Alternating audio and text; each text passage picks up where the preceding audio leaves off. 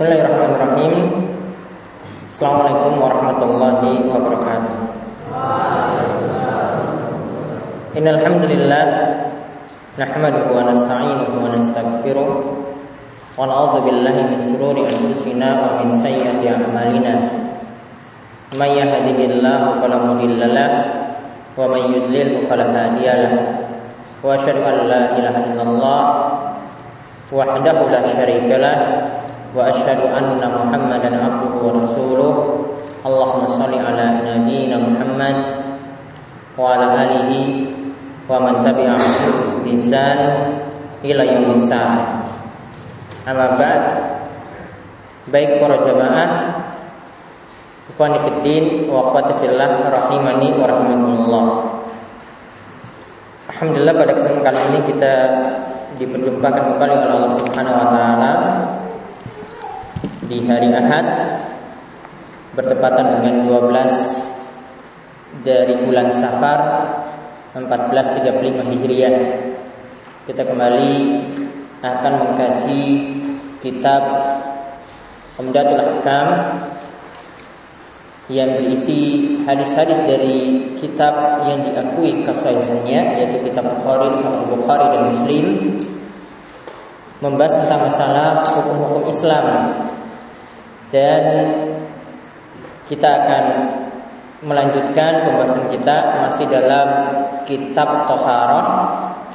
Saat ini kita lanjut pada hadis Ali bin Abi Thalib yang menjelaskan tentang masalah madi dan yang lainnya. Jadi tentang perihal najis, ya najis pada madi dan beberapa benda lainnya Begitu juga nanti akan diterangkan bagaimana cara membersihkannya. Kita lihat hadis ini yaitu dari Ali bin Abi Thalib radhiyallahu anhu.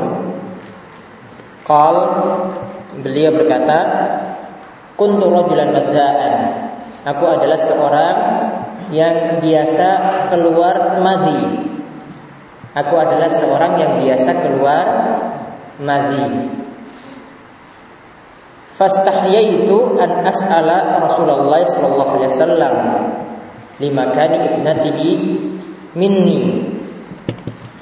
Aku malu, Ali bin Abi Thalib itu mengatakan aku malu untuk menanyakan masalahku ini kepada Rasulullah sallallahu alaihi wasallam karena adanya anak Nabi SAW yang dinikahi oleh Ali bin Abi Thalib. Ali bin Abi Thalib menikahi siapa? Menikahi anak Nabi Nabi SAW namanya siapa? Fatimah. Karena adanya Fatimah yang jadi istri Ali bin Abi Thalib. Jadi dia Ali bin Abi Thalib ini adalah menantunya Nabi Shallallahu Alaihi Wasallam. Kemudian fa'amartu al-Miqdad al-Aswad. Aku lantas ya memerintahkan kepada Miqdad bin al-Aswad. Ya, fa sa'alahu ya supaya Mikdad nanti bertanya kepada Nabi Shallallahu alaihi wasallam. Jadi Ali ini tidak bertanya tentang masalahnya langsung kepada Rasulullah Shallallahu alaihi wasallam.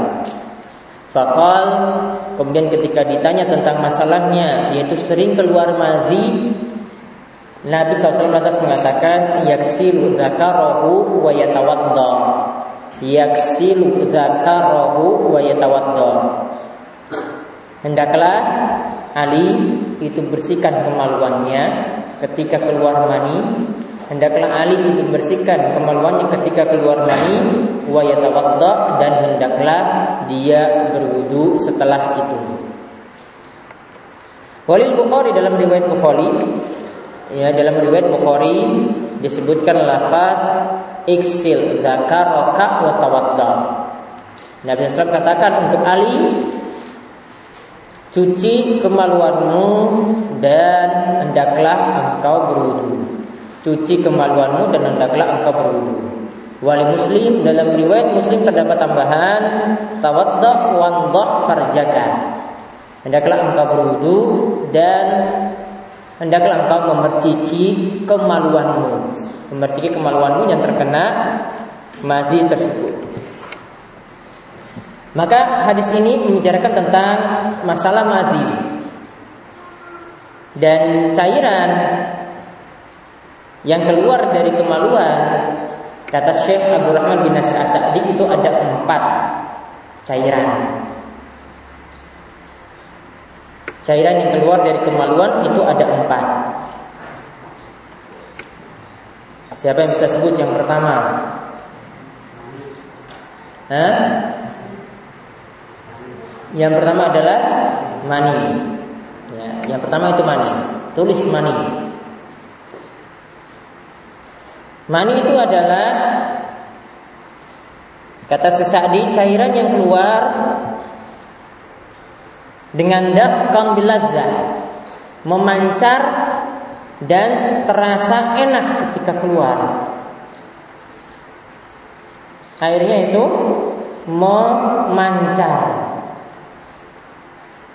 dan terasa enak ketika keluar.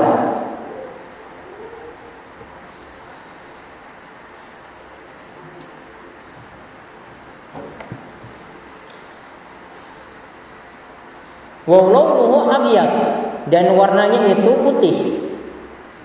Cairannya itu warnanya putih.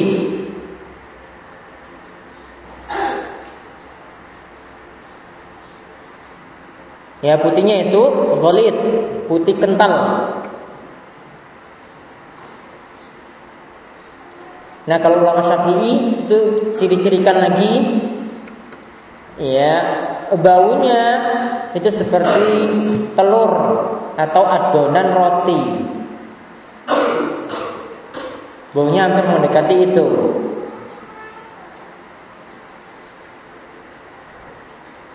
Dan mani dihukumi suci. Mani dihukumi suci, tetapi kalau keluar wajib mandi.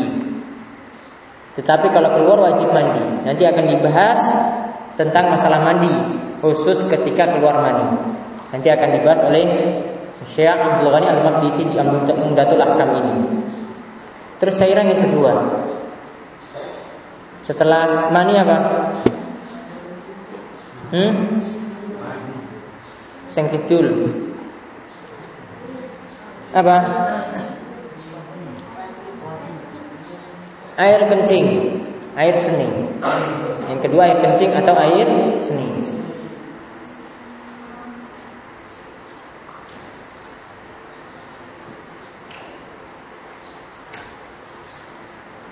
Air seni hukumnya najis berdasarkan ijma kesepakatan para ulama.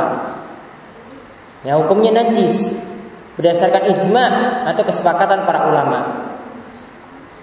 Dan ketika keluar ya cukup berwudu, kemaluannya dibersihkan kemudian berwudu.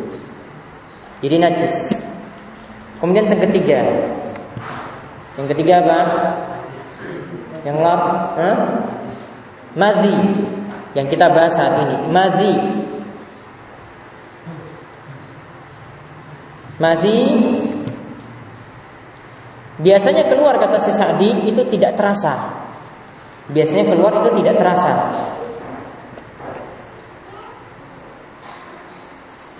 Dan keluar itu ketika seseorang itu bersyahwat.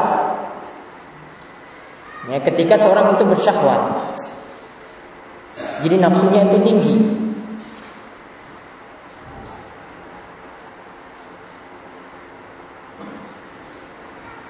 Dan hukum madhi itu najis. Hukum madhi itu najis. Kemaluannya minimal diperciki. Maaf, kemaluannya ya, itu dicuci pakaiannya minimal diperciki. Kemaluannya itu dicuci, kemudian pakaiannya itu minimal diperciki. Pakaian yang kena mati itu minimal diperciki. Tidak mesti dicuci, ya seperti cucinya kencing. Kemudian setelah itu cukup berwudu. Ya setelah itu cukup berwudu. Dan madi ini biasanya keluar tadi keluar ketika bersyahwat maksudnya keluar saat muqaddimah jima atau hubungan intim. Cairan yang keempat. Hmm? Wadi. Cairan yang keempat wadi. Wadi ini terdapat pada sebagian orang keluar setelah kencing. Biasanya keluar ketika musim dingin. Kata sesadi pada musim dingin. Warnanya putih seperti mani. Keluarnya itu seperti kencing. Jadi keluarnya cairannya seperti kencing setelah kencing keluarnya. Dan hukumnya sama dengan kencing yaitu najis. Hukumnya sama dengan kencing yaitu najis.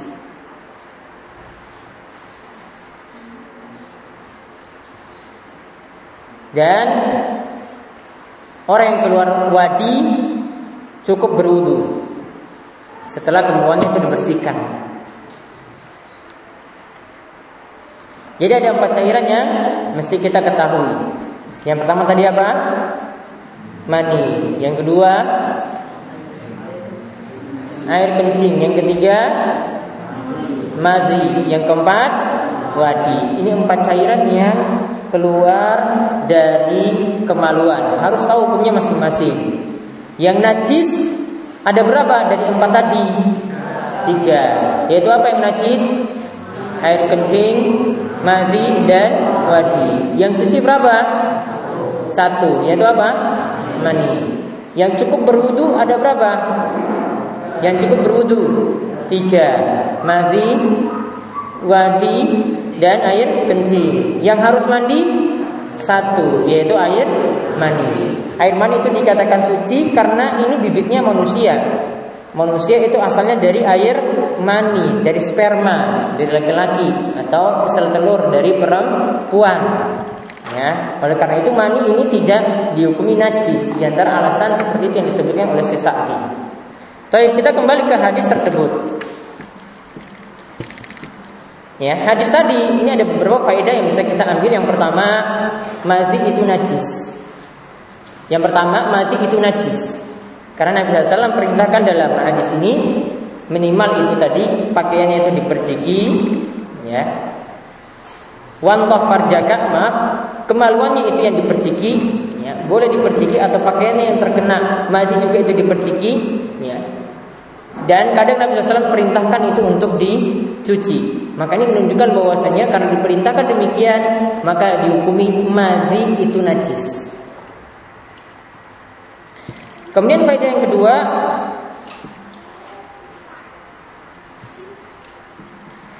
madhi itu masuk najis yang ringan. Atau dikenal dengan namanya najis apa? Mukhaffafah. Najis ada berapa macam? Tiga. Yang pertama najis mughallal seperti pada najis apa? Anjing. Ya, yang diperintahkan cuci tujuh kali. Kemudian yang kedua najis apa? Mukhaffafa. Ya, seperti yang ada pada madi atau juga nanti yang pada air kencing anak laki-laki yang masih menyusui.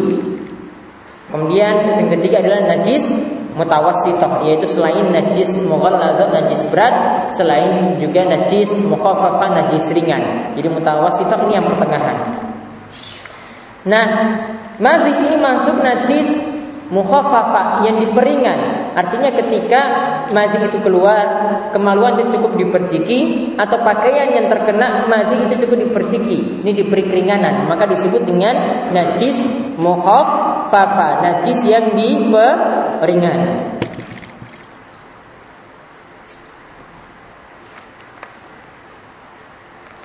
Kemudian faedah dari hadis ini juga Diajarkan kata Syekh Sa'di, hadis ini mengajarkan bahwasanya berita dari satu orang itu diterima. Khabar wahid asikah ya, berita dari satu orang yang terpercaya, yang kredibel, yang terpercaya itu diterima. Tadi yang menyampaikan berita ini adalah dari Mikdad. Dia sampaikan kepada Ali bin Abi Thalib. Mikdad cuma seorang diri. Ya, Mikdad itu cuma seorang diri sampaikan berita kepada Nabi SAW kemudian sampaikan kepada Ali bin Abi Thalib. Cuma seorang diri maka berita dari satu orang itu diterima. Ya berita dari satu orang itu diterima. Ini juga berlaku untuk masalah akidah. Berlaku juga untuk masalah akidah berita dari satu orang yang fikoh yang terpercaya atau dapat kita katakan yang ada pada hadis yang sahih itu diterima.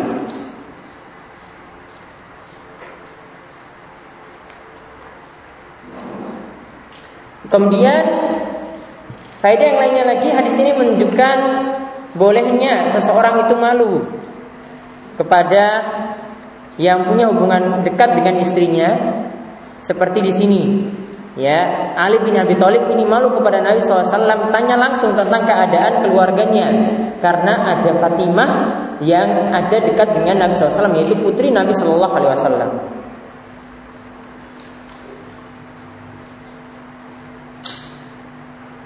Kemudian hadis ini juga menunjukkan malu itu ada dua macam. Malu itu ada dua macam, ada yang tercela dan ada yang terpuji. Malu itu ada dua macam, ada yang tercela dan ada yang terpuji. Yang tercela ya jika menghalangi dari ilmu, gak mau tanya karena malu dari ya, oh kok saya tanya seperti itu, malu saya nanya. Malu yang membuat seorang tidak dapat ilmu, malu yang membuat seorang tidak dapat belajar, malu yang membuat seorang tidak dapat beramal, ini malu yang tercela. Nah, dari hadis ini ada malu yang kedua juga, yaitu malu yang terpuji. Yaitu malu yang tidak menghalangi dari ilmu.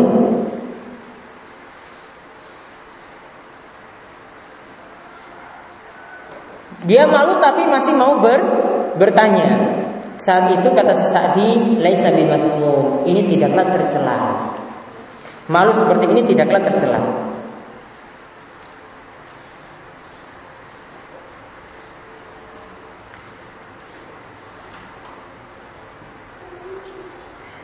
Nah, itu beberapa faedah dari hadis Ali bin Abi Thalib tadi. Kemudian kita lihat hadis berikutnya lagi yaitu hadis dari Abbad bin Tamim. Hadis dari Abbad bin Tamim. Yaitu dari Abdullah bin Zaid bin Asim Al-Mazini radhiyallahu anhu ia berkata Syukiya ila Rasulillah SAW Ar-rajulu yukhayyalu ilaihi annahu yajidu syai' fi salat yaitu pernah diajukan kepada Rasulullah SAW seseorang yang di dalam sholatnya dia mengira mendapatkan sesuatu. Maksudnya mendapatkan sesuatu di sini adalah dia kentut ataukah tidak. Jadi dia merasa dalam sholatnya aku ini kentut apakah tidak. Tadi keluar angin ataukah tidak. Maka Nabi SAW itu mengatakan tentang keadaan orang seperti itu. Dia selalu terbayang-bayang ketika sholatnya. Ini saya keluar kentut atau tidak. Tadi saya rasakan sesuatu atau tidak. Maka Nabi SAW itu katakan, La yang sorif hatta yasma'u sawtan au yajidarihan. Kata Nabi SAW, janganlah engkau berpaling. Maksudnya jangan engkau batalkan sholatmu sampai Ya, layan sorif janganlah dia itu membatalkan sholatnya sampai dia mendengar suara. Ya, atau mendapatkan bau yaitu bau kentut. Jadi hadis ini ada beberapa faedah yang bisa kita gali. Yang pertama, hadis ini menunjukkan kentut itu membatalkan wudhu dan juga membatalkan sholat. Kentut itu membatalkan wudhu dan juga membatalkan sholat. Sehingga ketika seorang itu misalnya sudah berwudhu, satu menit kemudian kentut lagi, ya ulangi wudhunya dari awal. Ya, ulangi wudhunya dari awal.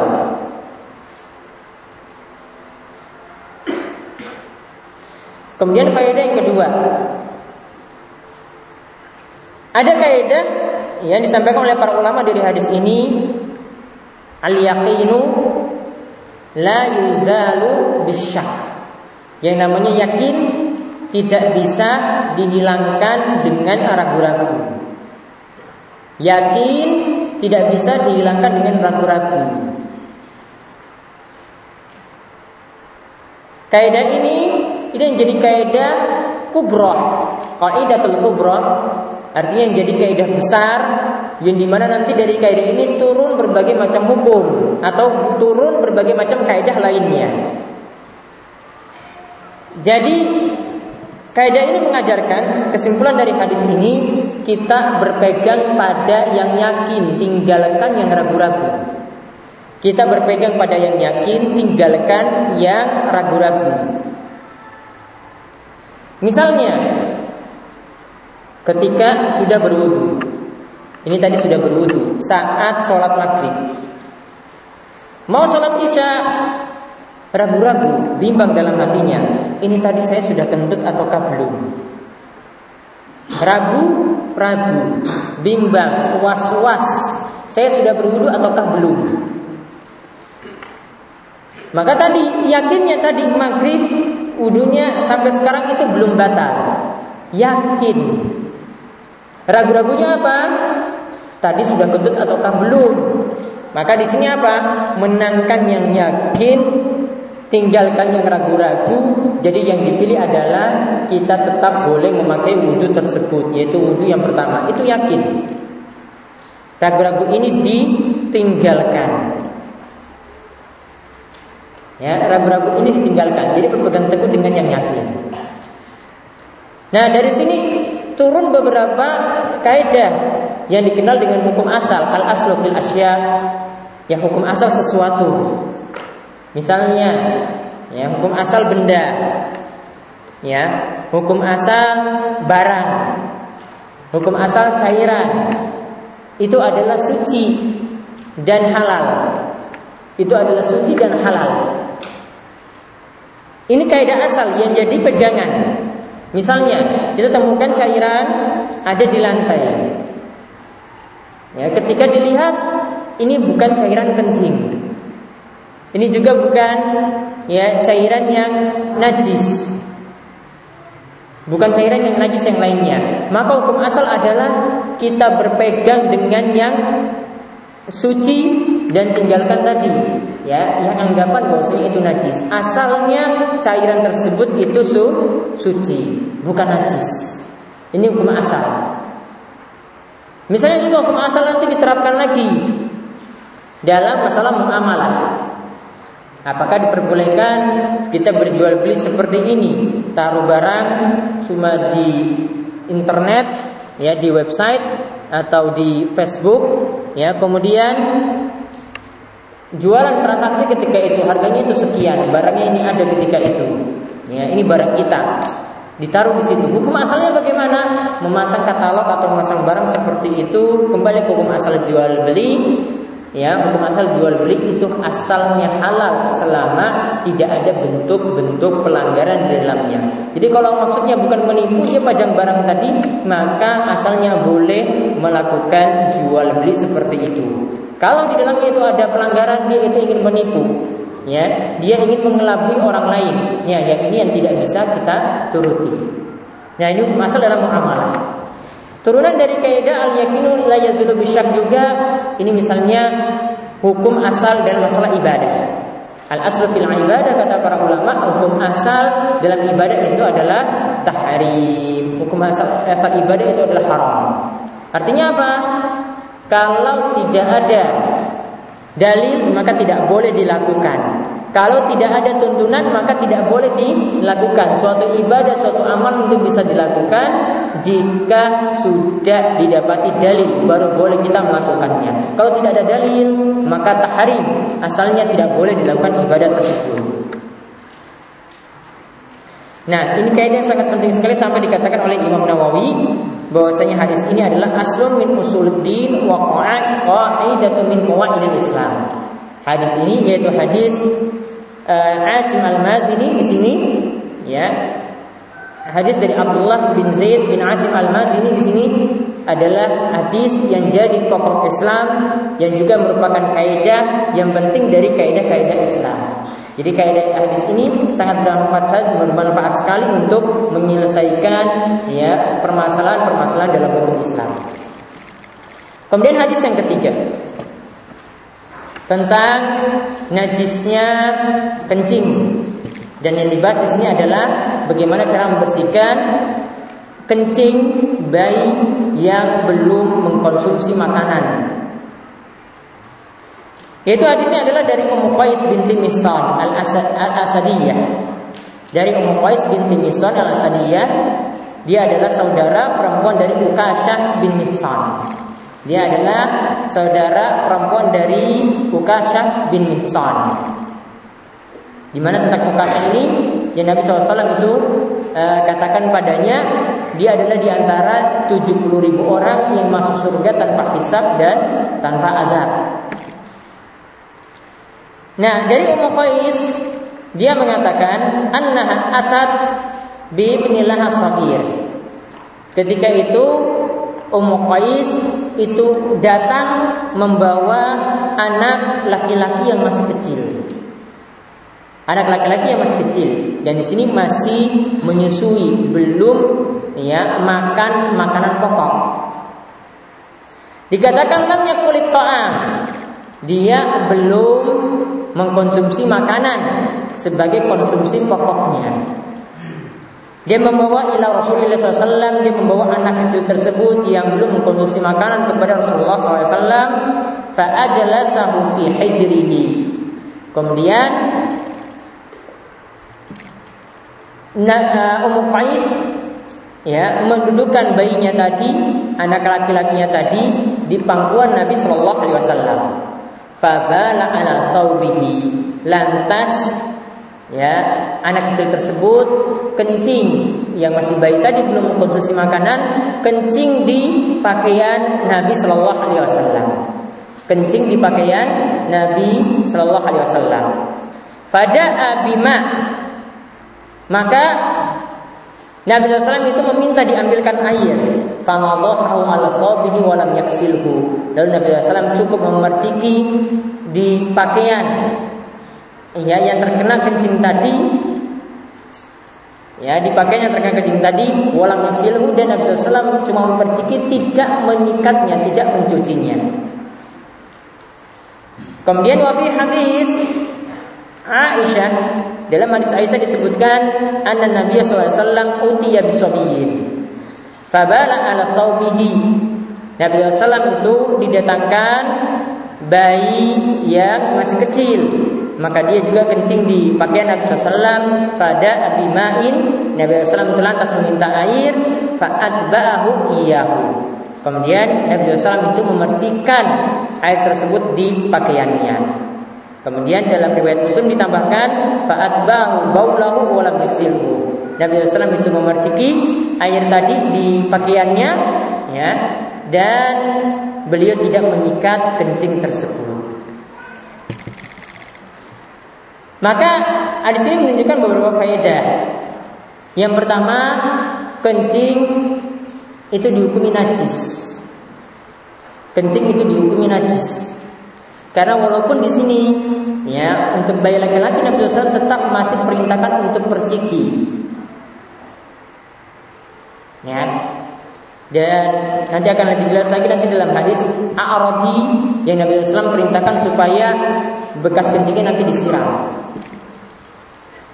Kemudian yang kedua, hadis ini menunjukkan untuk kencing bayi laki-laki.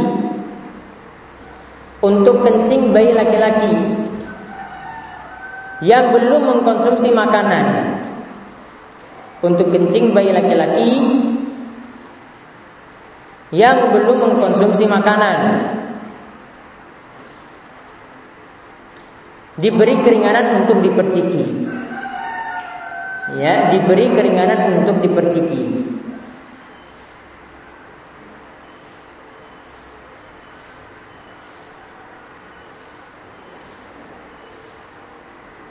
Kemudian faedah yang ketiga Hadis ini tidak berlaku untuk bayi perempuan. Hadis ini tidak berlaku untuk bayi perempuan.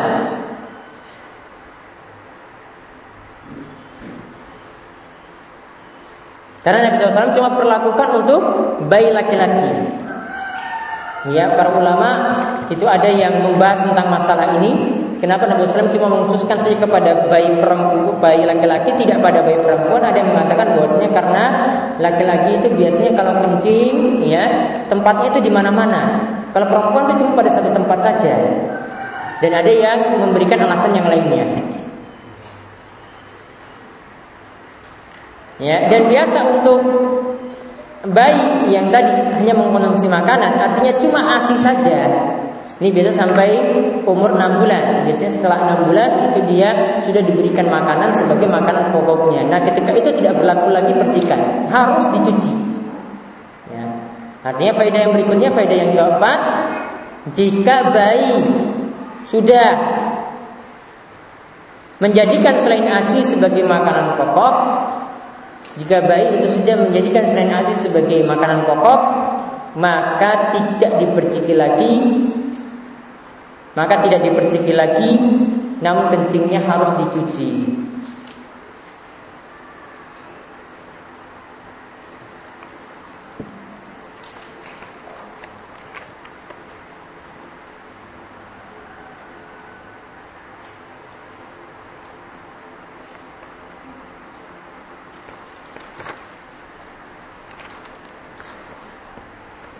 Kemudian hadis berikutnya lagi hadis yang keempat. Yaitu tentang kenakalan Arab Badui yang kencing di masjid. Kita lihat hadisnya dari Anas bin Malik radhiyallahu anhu ia berkata, "Ja'a Arabiyun." Datang seorang Arab Badui. Fabala fi ta'ifatil masjid. Lalu dia kencing di salah satu pojok masjid. Maka di sini menunjukkan orang pedalaman yaitu orang Badui di sini ini kadang tidak tahu aturan. Ya, orang yang jauh dari ya dari perkotaan ya seperti Arab Badui ini kadang tidak tahu aturan Islam karena sedikitnya ilmu. Maka dia kencing di pojok masjid fajazarahun nas. Maka para sahabat itu menghardiknya Para sahabat itu mengingatkannya. Fanahahu Nabi Sallallahu Alaihi Wasallam. Lantas Nabi SAW itu melarang mereka, melarang para sahabat untuk menghardiknya. Falamma qada baulahu maka ketika Nabi SAW eh, ketika orang Arab Badui tadi menyelesaikan, menyelesaikan kencingnya, amaran Nabi SAW, Nabi SAW memerintahkan kepadanya bin zanubin bin ma fa'ah alaihi. Nabi SAW itu memerintahkan untuk mengambil satu ember air kemudian nanti disiramkan ke bekas kencingnya tersebut biar najisnya itu hilang. Maka di sini menunjukkan beberapa hal kata saya Sa'di. Yang pertama, di sini menunjukkan kebaikan akhlak Nabi SAW. Kebaikan akhlak dan pengajaran Nabi Shallallahu Alaihi Wasallam.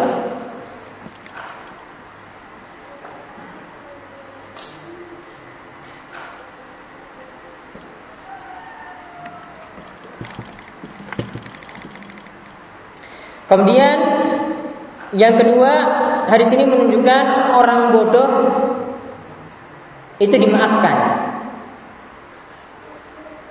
dan tidak dikenai dosa.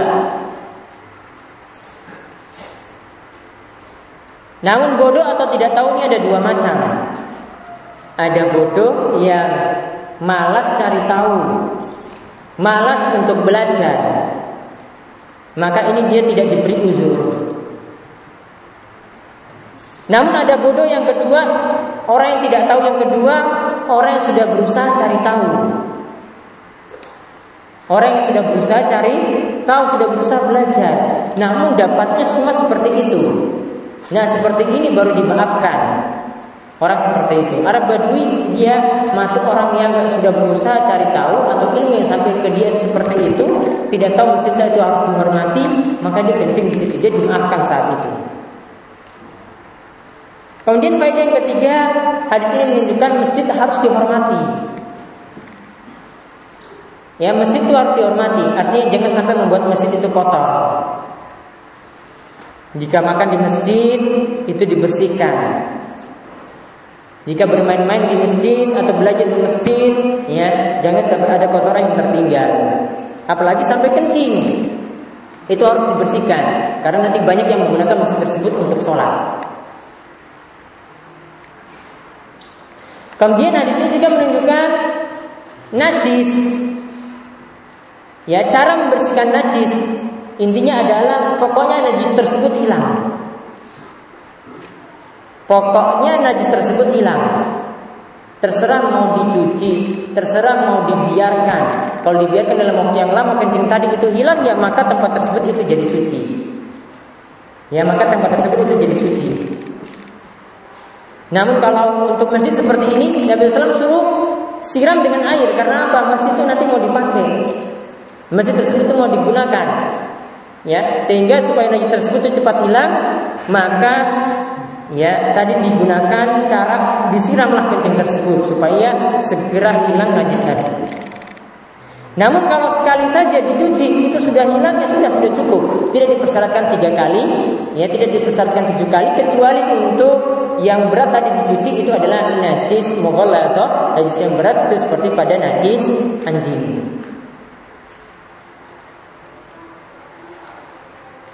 Kemudian faedah berikutnya lagi kata Syekh Sa'di bahwa saya mengingkari kemungkaran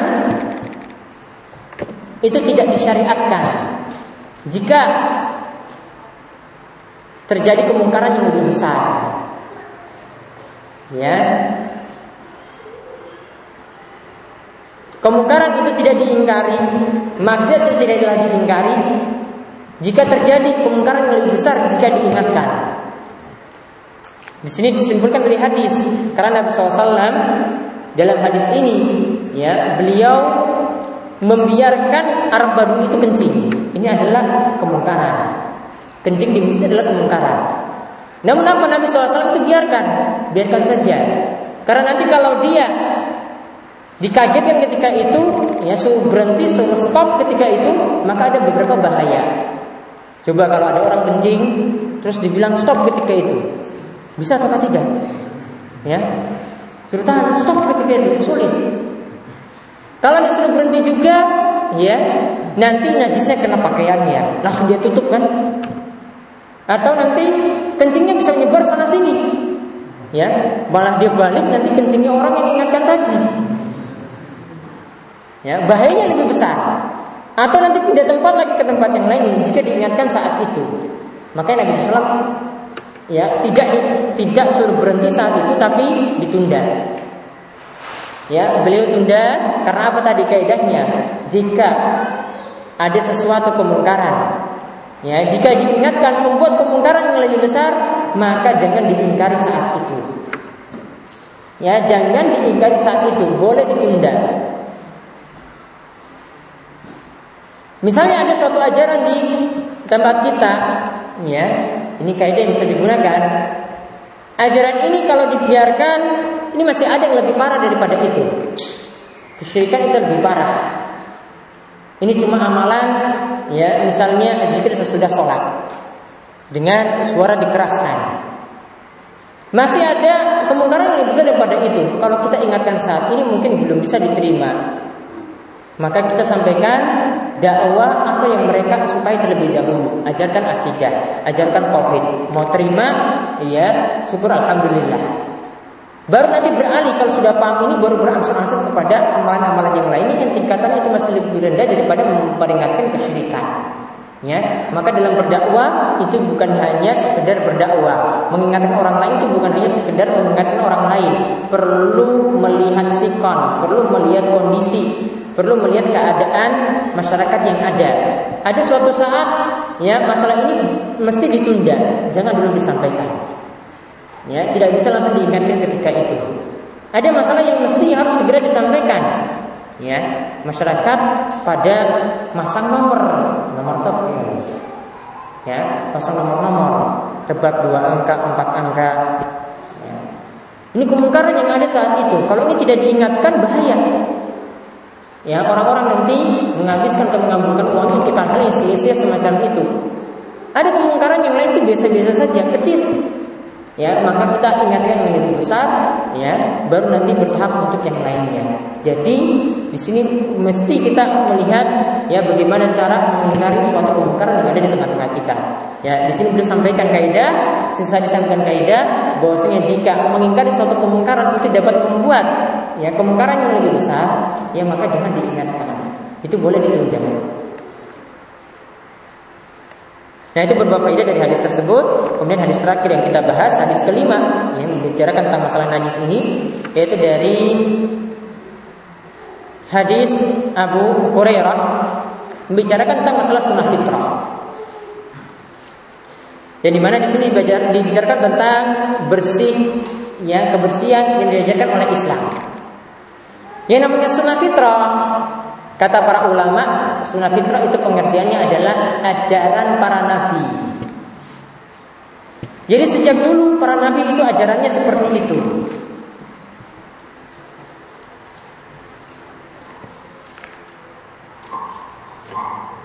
Nah ajaran para nabi ini berisi ajaran kebersihan Membersihkan badan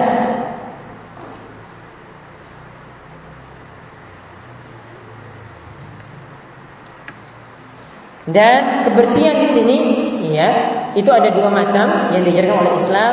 Yang pertama kebersihan batin, kemudian yang kedua adalah kebersihan lahiriah. Kebersihan batin yaitu Islam mengajarkan supaya setiap muslim itu punya keimanan dan ketakwaan. Hatinya itu bersih dari noda-noda maksiat. Apalagi kesyirikan.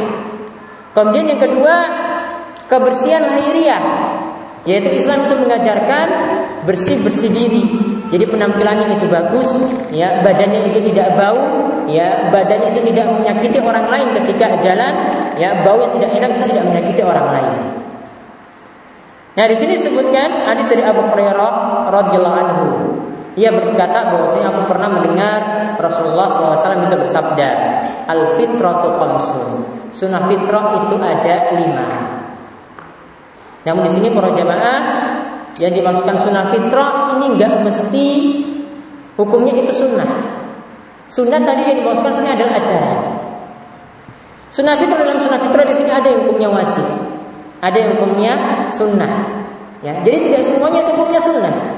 Nanti akan dijelaskan oleh Syekh ketika menjelaskan hadis ini. Sunnah fitrah itu ada lima. Yang pertama khitan.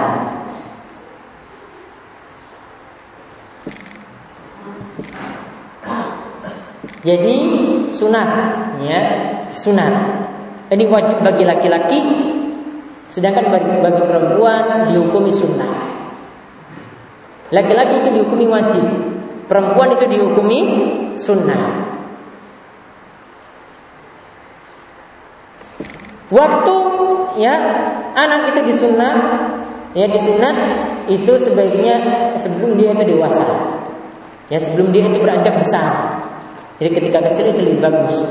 Ya, ada anjurannya itu ketika hari ketujuh, namun boleh ditunda setelah itu pokoknya sebelum dia itu dewasa. Nah, di antara sunat tadi, kenapa sunat di sini bagi ini dan bagi laki-laki itu dihukumi wajib karena kaitan kalau laki-laki ini dengan najis. Kalau masih ada kulit yang di depan kemaluannya, artinya belum disunat, nanti kencingnya itu belum bersih.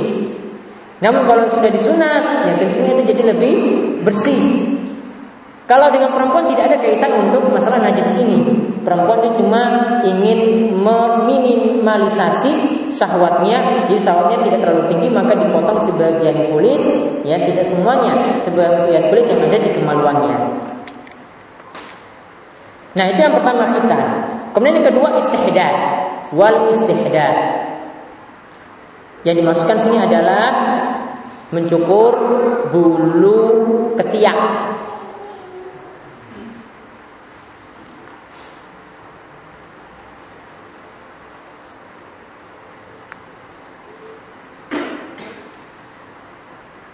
Kalau diterjemahkan apa?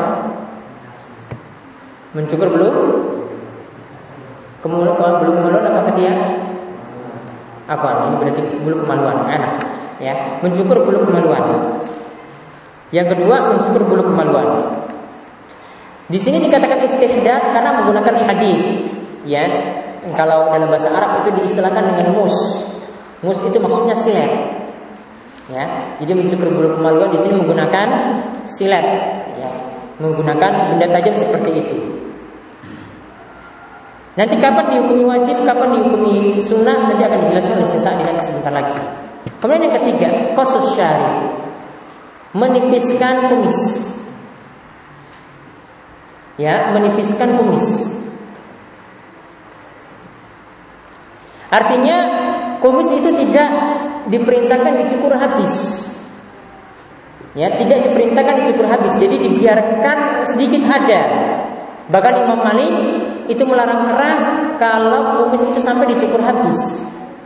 Ya, beliau ingin menghardik orang yang mencukur kumis itu sampai habis. Ya, dan menurut Imam Malik itu tidak sesuai dengan sunnah. Yang sesuai dengan sunnah kumis itu ditipiskan. Yang sesuai dengan sunnah kumis itu ditipiskan. Kemudian yang keempat, taklimul asfar yaitu memotong kuku. Ya yaitu kuku tangan ataupun kuku kaki. Jadi jangan dibiarkan panjang. Ya karena di sini para ulama katakan ini tempatnya kotoran. Kalau dibiarkan panjang nanti kukunya jadi tidak bersih. Kemudian yang terakhir natful ibit yaitu mencabut bulu ketiak ya mencabut bulu ketiak Nah, untuk rambut pada badan ini atau yang ada kaitannya dengan sunnah fitrah tadi, ini kan berkaitan dengan rambut pada badan. Saya saat ini membagi menjadi lima hukumnya. Ya, rambut pada badan itu ada lima hukum. Yang pertama, yang wajib dihilangkan. Yang pertama yang wajib dihilangkan atau wajib dicukur.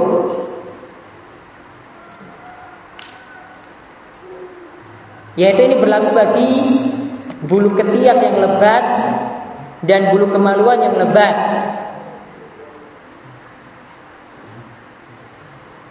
Atau ini juga berlaku untuk kumis yang sudah panjang sampai menutupi bibir.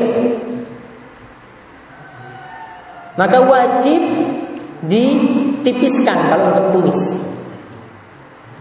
Jadi yang wajib dihilangkan tadi apa? Bulu ketiak yang lebat, bulu kemaluan yang lebat itu wajib dihilangkan. Kemudian yang kedua,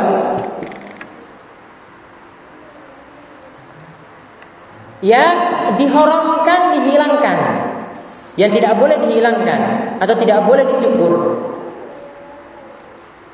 yaitu kumis, kemudian alis mata dan bulu mata. Ya, alis mata dan bulu mata. Maaf tadi jenggot yang bukan kumis. Yang haram dicukur. Yang pertama jenggot, yang kedua bulu mata ya dan alis mata. Ini haram dicukur. Jenggot itu haram dicukur. Termasuk juga di sini ditipiskan. Jenggotnya sudah lebat, ditipiskan boleh nggak? Nggak boleh juga. Ini menurut pendapat yang lebih kuat dari pendapat para ulama. Jadi namanya jenggot, sebagaimana kata Imam Nawawi, perintah untuk jenggot itu adalah dibiarkan sebagaimana adanya. Dibiarkan sebagaimana adanya itu gratis atau tidak? Dibiarkan begitu saja, gratis atau tidak? Perlu biaya? Ya, bapak-bapak perlu biaya? Biarkan jenggot begitu saja itu perlu biaya? Perlu alat untuk biarkan? Ya, tidak. Kalau cukup butuh biaya atau tidak? Butuh. Ya. Kalau minum wedus itu butuh biaya atau tidak? Butuh. Kalau jenggot enggak. Ya, jenggot itu gratis. Dibiarkan apa adanya, Gak usah mikir-mikir pakai beli alat cukur setiap minggunya, nggak perlu. Ya, Beda kalau untuk cari makan untuk kudus, untuk kambing. Ya, itu perlu cari makan bayar kan? Bayar setiap hari lagi. Kalau nggak ada makan. Tapi kalau jenggot bayar atau tidak? Enggak. Dan itu jenggotnya kita sendiri, bukan jenggotnya orang lain. Ya, jenggot jenggot kita. Yang kita biarkan ya punya kita saja. Kita nggak motong atau nggak suruh orang lain. Celana juga kita potong punyanya siapa? Ya punya kita sendiri, hak kita. Kita nggak suruh kamu suruh potong celana dia, yang kita pelihara juga celana kita kita angkat di atas mata kaki. Nah, ini yang kedua, yang haram dihilangkan. Itu jenggot, kemudian apa tadi? Alis mata dan bulu mata. Kemudian yang ketiga, yang disunahkan dihilangkan. Yang disunahkan ketika itu untuk dihilangkan yaitu bulu kemaluan dan bulu ketiak ketika masih belum banyak. Kalau banyak itu wajib dihilangkan. Tapi kalau belum banyak, ya maka cuma disunahkan untuk dihilangkan. Kalau tadi dalam lafaz hadis untuk bulu ketiak itu dicabut, kalau tidak bisa dicabut ya dicukur juga bisa, boleh. Untuk bulu kemaluan itu nanti dicukur. Kalau belum lebat, cuma disunahkan saja untuk dihilangkan. Kemudian yang keempat, yang disunahkan untuk dipelihara atau dibiarkan begitu saja, atau maksudnya didiamkan, yaitu rambut kepala. Ya, rambut kepala. Dan ini sebenarnya ada aturan untuk rambut kepala. Kalau ingin dicukur, ya, jangan cuma cukur sebagian, Bagian kanan kiri dicukur, tinggal bagian atasnya saja. Seperti rambut apa? Pang. Ya, rambut anak pang tahu ya? Jadi rambut tengah saja yang berdiri. Ya, ini tidak boleh. Ini termasuk kodas. Jadi kalau cukur cukur rata. Ya, cukur itu cukur rata. Jadi botak ya botak semuanya. Ya, cukur satu senti satu senti semuanya. Ini bagus. Jangan sebagian saja mas di sini tipiskan, belakang tipiskan, tinggal yang depan aja di atas saja. Atau tinggal rambut ya, rambut ada jambulnya saja di sini, belakang semuanya botak, nggak boleh. Jadi harus rata, dibuat adil. Kecuali tadi dibiarkan yang dari tulang yang ada di samping telinga ini turun ke bawah. Ini sudah masuk jenggot sampai ke bawah di sini. Ini masuk jeng jenggot yang di bawah bibir ini juga jenggot. Ini namanya kumis. Ini namanya apa? Ini namanya dan. Kumis dan jenggot. Ini masuk jenggot juga. Ini masuk jeng jenggot. Yang namanya dan ini masuk jenggot. Ya. Turun dari sini gitu. Turun dari tulang di samping telinga. Turun ke bawah. Ya, sampai sini kalau tukang cukur di Arab itu ngerti, ini sudah masuk jenggot. Ketika ada yang umroh, dia nggak cukur ini, dia biarin, biarin, biarin, ya. Ini dibiarin ke atas yang dicukur. Kalau ada yang umroh atau haji. Ya, jadi rambut kepala itu disunahkan dibiarkan. Ya, disunahkan dibiarkan. Kalau sudah panjang itu baru dipotong. Ya, jangan sampai melebihi pundak. Kemudian yang terakhir yang tidak dimakruhkan atau tidak disunahkan untuk dihilangkan. Tidak dimakruhkan atau tidak disunahkan dihilangkan. Yaitu untuk selain rambut-rambut tadi. Untuk selain rambut-rambut tadi. Misalnya rambut di dada.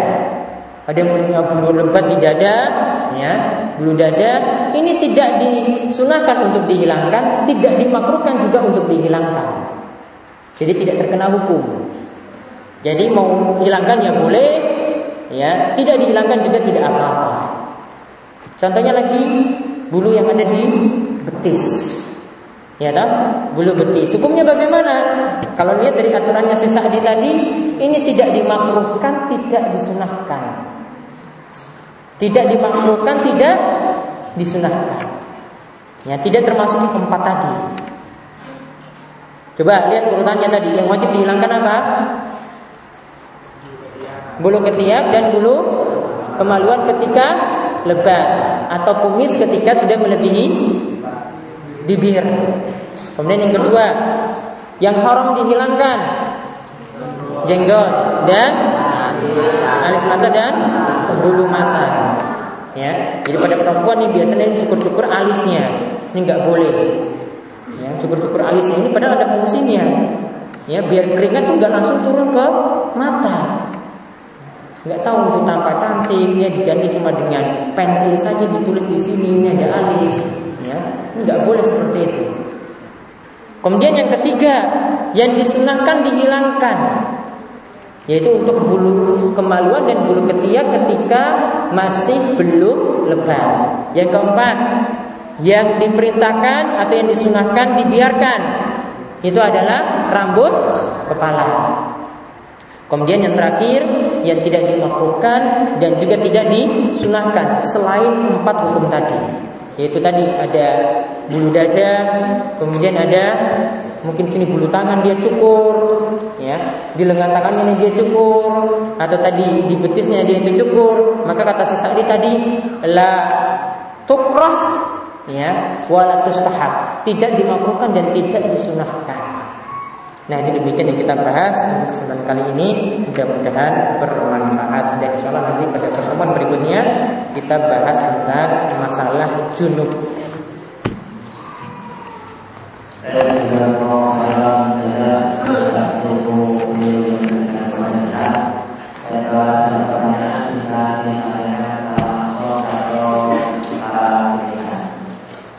Ada yang langsung monggo. Yang langsung ngajung.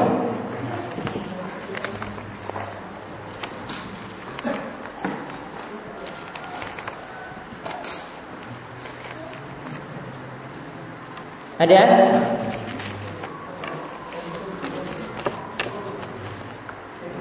Ada yang langsung? Rawani.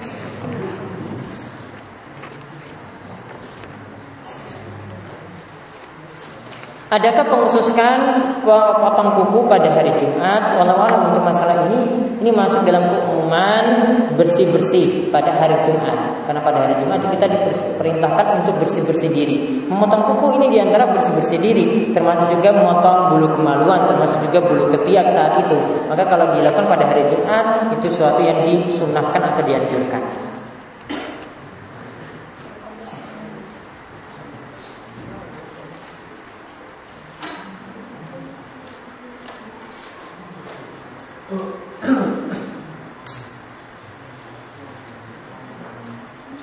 Nah, apabila kita mandi junub hendak sholat, apakah harus wudhu dulu ataukah tidak? Dalam mandi tersebut kita menyentuh kemaluan. Baik. Dalam masalah mandi, ya asalnya yang namanya mandi nanti akan dijelaskan tersendiri ketika membahas tentang masalah mandi. Ya, tapi untuk kali ini kami jelaskan ringkas. Namanya mandi itu adalah kita mengguyur air ke seluruh badan. Yang namanya mandi ya itu yang dimaksudkan adalah mandi junub itu kita guyur air ke seluruh badan. Disunahkan ketika memulai mandi tadi kita mencuci kemaluan terlebih dahulu. Setelah itu tangan itu dicuci lagi, kemudian kita berwudu. Setelah berwudu baru guyur air air seluruhnya ke badan. Ya, baru setelah itu guyur air seluruhnya ke badan. Nah, jika sudah rampung semuanya sudah diguyur oleh air, maka mandinya sudah sempurna. Nah, kalau ditanyakan apakah setelah mandi itu perlu wudhu lagi? Jawabannya tidak perlu. Karena yang namanya mandi itu sudah e, membersihkan dari hadas kecil maupun hadas besar. Jadi kalau berwudhu lagi itu tidaklah sesuatu yang diperintahkan. Jadi kalau dia mau melaksanakan sholat tadi sudah mandi junub maka sudah sudah cukup dengan mandi junub tadi dia gunakan untuk sholat tanpa mesti berwudhu lagi.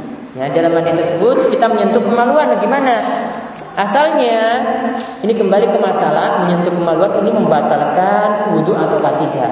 Pendapat yang lebih tepat dalam masalah ini karena mengkompromikan hadis-hadis yang ada, ada hadis yang membicarakan menyentuh kemaluan itu membatalkan wudhu dan ada hadis yang membicarakan menyentuh kemaluan itu tidak membatalkan wudhu karena itu seperti anggota tubuh yang lainnya.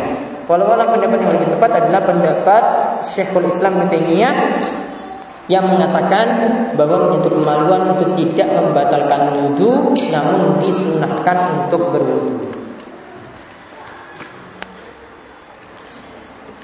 Bagaimana jual beli yang uangnya diberikan sekarang tetapi barangnya bulan depan? Taib ini masuk di dalam ya uh, uang dulu, barang belakangan. Kamu transfer uang dulu, nanti barang baru akan saya kirim. Ya, kamu transfer dulu uang lewat ATM ini rekening saya, nanti baru setelah itu barang akan dikirim tempatnya. Ya, saya janjikan bulan depan. Ini para ulama masukkan dalam kategori jual beli salam dan jual beli salam itu adalah jual beli yang dibolehkan ya jual beli yang dibolehkan. Dia halal sebagaimana juga kita utang atau berutang itu boleh. Seandainya dibalik barang dulu baru uang belakangan itu kan berarti kita berutang. Barang dulu diserahkan uangnya nanti bulan depan. Itu kan namanya utang. Kalau utang seperti ini boleh maka yang tadi dijelaskan uang dulu baru barang belakangan itu juga dibolehkan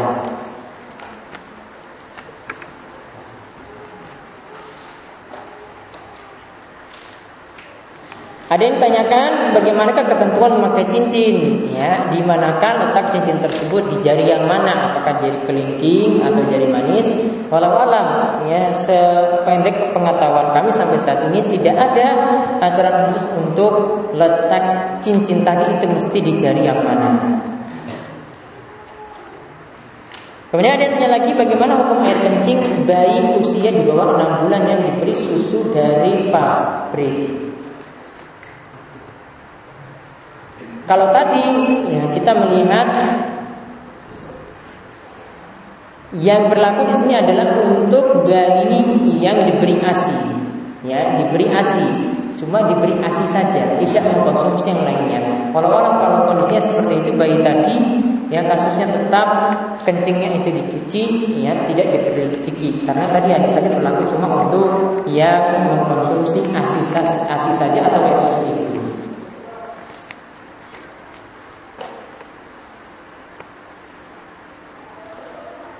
Bolehkah pada saat sholat membersihkan hidung? Nah ini termasuk gerakan di luar gerakan-gerakan sholat ya Gerakan di luar gerakan-gerakan sholat Artinya ini di luar gerakan kita ruku Di luar gerakan kita sujud Maka di sini kembali ke masalah nanti gerakan tambahan dari gerakan sholat kita itu dibolehkan atau tidak ya.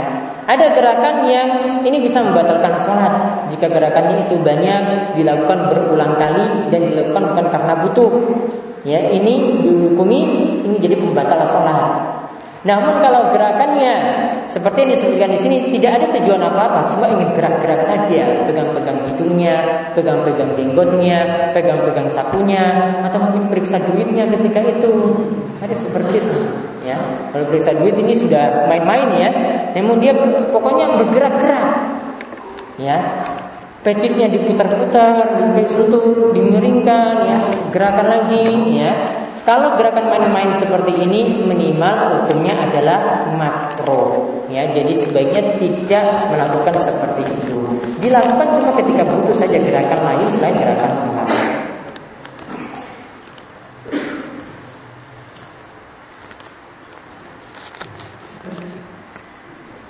Ada yang tanya tentang keputihan, ya nanti dibahas pada masalah haid insya Allah.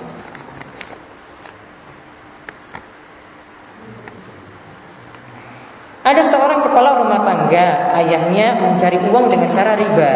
Ketika orang lain atau istrinya mengajak agar berhenti dari pekerjaan haram itu, dia tidak mau dan malah ayah ini memarahi istrinya. Yang ingin ditanyakan, harta hasil dari riba tadi apakah halal bagi istri dan anaknya, sedangkan si istri itu tidak punya pekerjaan sendiri. Ya. Bagaimana cara atau metode agar si ayah itu mau menghentikan pekerjaan haram itu? Ya, Allah Subhanahu wa taala perintahkan kepada kita orang-orang beriman ya ayyuhalladzina amanu anfusakum wa ahlikum nar. Wahai orang-orang yang beriman, jagalah diri kalian dan jagalah keluarga kalian ya dari jilatan api neraka. Kata Ali bin Abi Thalib maksud ayat ini adalah alimuhum wa adibuhum. Ajarkan kepada mereka itu agama, ajarkan kepada keluarga kalian itu agama dan ajarkan kepada keluarga kalian itu adab-adab ya ada adab atau aturan-aturan Islam. Maka di sini tugas istri di sini juga tetap memperingatkan suami. Kita tidak ingin ya memakan harta yang haram. Istri tidak ingin makan harta yang haram. Istri dan anak juga tidak ingin menikmati harta yang haram, haram tadi walaupun jumlahnya begitu banyak. Maka tugas kita adalah bertakwa yang pertama berusaha memperbaiki diri dan berusaha terus mengingatkan suami dengan cara yang baik dan beresolusi untuk meninggalkan riba ini. Dia cari pekerjaan yang lainnya yang halal. Beri solusi juga ini pekerjaan ini bisa dilakukan. Punya modal besar ya. Pekerjaan ini bisa ditempuh ya. Cari usaha seperti itu lebih asan atau lebih baik. Dan ingat janji Nabi SAW Barang siapa yang meninggalkan sesuatu yang haram karena Allah Maka pasti Allah memberi ganti yang lebih baik. Maka Allah pasti memberi ganti yang lebih baik. Jika seseorang itu meninggalkan riba Gak mau pinjam uang di bank Gak mau ya pinjam uang dari hasil riba ya. Lalu dia ingin tempuh cara yang halal Bangun usaha kecil-kecilan pelan-pelan, pelan-pelan. Dia berusaha cari jalan yang halal, maka ingat sabda Nabi SAW tadi, siapa saja yang berusaha meninggalkan yang haram, maka pasti Allah akan memberikan ganti yang lebih baik dan banyak yang sudah buktikan. Ya, dia nggak mau cari jalan seperti itu, walaupun itu cara yang cara yang paling cepat dapat pinjaman seperti tadi ya. Dia tinggalkan maka Allah akan Allah memberikan jalan kemudahan awal itu sulit tapi karena dia berusaha bertakwa Allah mudahkan jalan keluar bagi dirinya. Jadi diingat yang kedua ini tadi ya. Siapa yang tinggalkan yang haram maka nanti akan diganti yang lebih baik. Kemudian yang ketiga tentang pertanyaan tadi apakah hartanya itu haram untuk istri dan anak? Para ulama rinci jadi dua jika orang tua atau suami yang bekerja yang haram tadi. Ya. Anak-anak dan istrinya tidak bisa punya pekerjaan yang lainnya tidak punya pendapatan yang lainnya kecuali dari suami kecuali dari ayahnya. Maka ketika itu dosanya yang tanggung itu ayahnya saja anak-anak itu boleh menikmati harta dari bapaknya.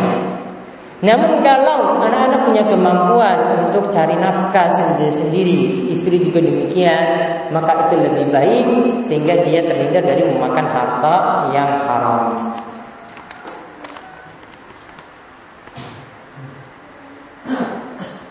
Bagaimana hukum menyisir dan meminyaki jenggot? Ini adalah kebiasaan yang baik. Karena sejak masa silam para ulama itu biasa menyimpan minyak wangi mereka atau minyak mereka untuk rambut kepala ataupun untuk jenggot itu di tempat-tempat seperti tulang dan yang lainnya. Ini menunjukkan bahwasanya sejak masa salam dahulu mereka punya kebiasaan untuk meminyaki jenggot ataupun rambut.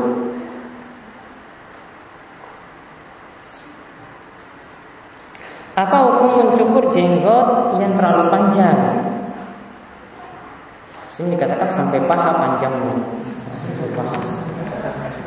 Pokoknya tadi asal jenggot itu dibiarkan apa adanya. Nawawi katakan ya, biarkan apa adanya, dibiarkan begitu saja. Perintahnya seperti itu.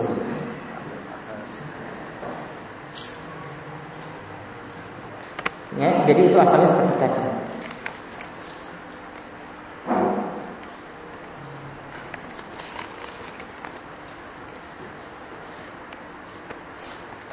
Bagaimana kalau air kencing mengenai celana? Apakah dengan dibiarkan bisa hilang najisnya? Bisa jika dibiarkan dalam waktu yang lama. Jadi kencingnya bisa menguap sehingga tidak lagi ada bau, rasa ataupun warnanya. Namun ini berhari-hari ya, dibiarkan nanti satu minggu di panas yang terik nanti baru boleh dipakai lagi. Ya namun kalau dipakai terus ke mana-mana dibiarkan begitu saja mau pakai untuk sholat yang nggak boleh. Cara cepatnya adalah tetap dicuci.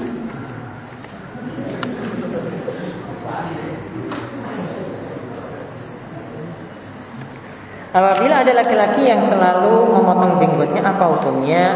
Dia berdosa karena tidak memenuhi perintah Allah dan Rasulnya dan seharusnya dia semakin bertakwa kepada Allah Subhanahu Wa Taala. Memelihara jenggot itu tidak menyusahkan diri. Yang memelihara jenggot itu tidak pakai biaya gratis. Yang daripada minggu udus mendingan cukup jenggot.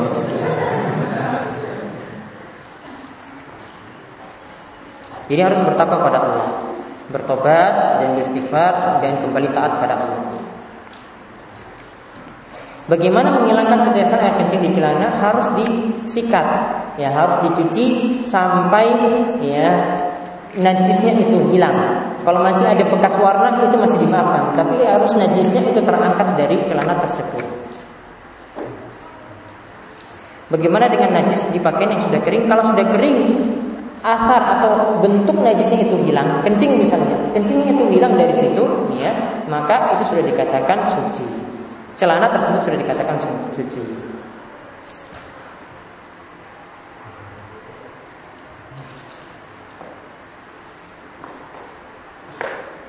Yaitu dengan hadis Aisyah, Aisyah itu mengatakan bahwasanya Nabi SAW itu jika mani tersebut itu ya ketika Mani itu kering itu dikerik. Tetapi kalau ketika basah itu dicuci Apakah ini menunjukkan najisnya mani? Tidak, ini tidak menunjukkan najisnya mani. Pada kalimat Nabi SAW itu perintahkan supaya ya yang kering tadi itu dikerik saja ya dikerik saja itu sudah menunjukkan mani itu suci. Ya, kalimat yang selanjutnya itu cuma keadaan Nabi SAW yang lainnya. Memerintahkan kalau kalau ada mani yang basah tadi itu diperintahkan untuk dicuci. Jadi Nabi SAW punya perlakuan berbeda, tapi tetap menunjukkan bahwasanya mani itu suci. Jadi kalau ada pakaian yang kena mani tetap kita pakai asalnya maninya saja dihilangkan masih ada sisa sedikit yaitu baru boleh dipakai. Namun asalnya tetap boleh dipakai karena mani itu suci. Kalau mencukur jenggot dikarenakan malu atau jadi fitnah bagaimana? Ingat, malu yang tercela adalah ya, jika malunya itu sampai melakukan yang haram. Ya, malunya itu sampai melakukan yang haram. Jadi tetap ya, jenggot tadi itu dipelihara meskipun dia itu merasa bahwasanya dia orang yang penuh dosa masih belum benar sholatnya, masih belum baik orangnya, ya tetap jenggot tadi harus dipelihara. Tidak ada kaitan jenggot tadi dengan ketakwaan. Ya tidak ada tadi jenggot tadi itu tidak ada kaitannya. Itu nanti dia orangnya itu baik, itu belum tentu. Ya, tapi tetap perintah jenggot ini harus dilaksanakan. Perintah membiarkan jenggot apa adanya itu harus dilaksanakan karena melaksanakan perintah Allah dan Rasulnya. Bagaimana hukumnya jika berprofesi sebagai tukang potong rambut Sedangkan permintaan model potong rambutnya macam-macam? Bagaimana hukumnya dan bagaimana jalan keluar agar tetap profesi sebagai tukang potong rambut tapi tidak menyalahi syariat? Maka tukang potong rambut juga harus berilmu. Ya, Jadi ketika mau potong ya sampaikan ini larangan-larangannya seperti ini. Ya kalau nggak setuju model saya ya pokoknya seperti ini roto ya semuanya. Kalau nggak mau ya sudah cari tukang cukur yang lain. Saya nggak mau potong jenggotmu nggak mau. Kalau nggak mau ya sudah cari yang lain. Ya ingat kalau dia menempuh cara seperti itu pasti banyak juga yang mau. Ya karena sebagian tukang cukur itu juga nggak ngerti tentang masalah ini. Ya ada yang uh, sengaja Mas ini jenggotnya dicukur sebelah enggak Mas? Ya. Wah ini ada kasih gratis juga jenggotnya mau dipotong akhirnya mau potong juga. Ya. Jadi ada yang tidak mengerti tentang masalah masalah seperti ini maka kalau bisa ada yang buka tukang cukur yang syar'i seperti ini nanti saya jadi pelanggannya nggak apa-apa jadi mungkin yang kita bahas mudah-mudahan bermanfaat. Ada kurang lebihnya kami maaf dan insya kita akan ketemu lagi pada bulan berikutnya.